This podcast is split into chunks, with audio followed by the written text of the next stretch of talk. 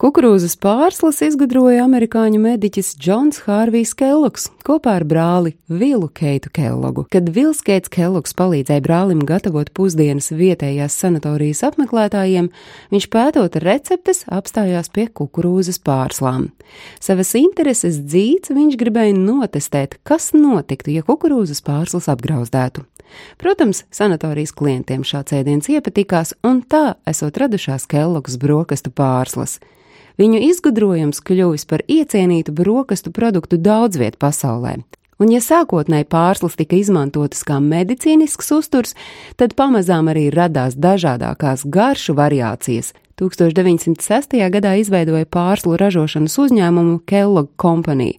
Kļuvis par miljonāru Vilskeits Kellogs, izveidoja labdarības fondu un ziedoja lielas summas dažādiem mērķiem, īpaši bērnu vajadzībām bet patiesībā Amerikā kukurūza ir ļoti slavena, jo tā tiešām ir līdzās visur, un ražotāji iemācījušies to pārvērst visdažādākajos produktos.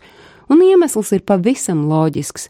To ir lēti audzēt, un tad tā ir izdevīgāka par visu pārējo. Tāpēc to izmanto gandrīz visos saldajos un gāzētajos dzērienos, maizē, arī cepšanai un pat mājlopu barošanai.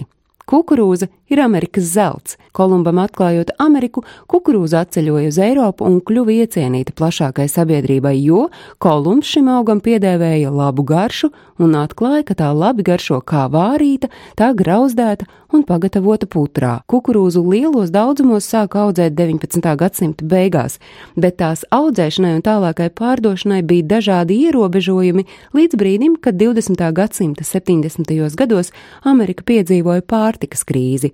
Tādu, ka beidzot tika audzēta izdevīgā kukurūza, lai cilvēki vienkārši nenomirtu badā. 1973. gadā ieviesa būtiskas pārmaiņas lauksaimniecībā. Valdība mudināja zemniekus audzēt tik daudz kukurūzas, cik vien viņi spēja, piedāvājot tiešu samaksu.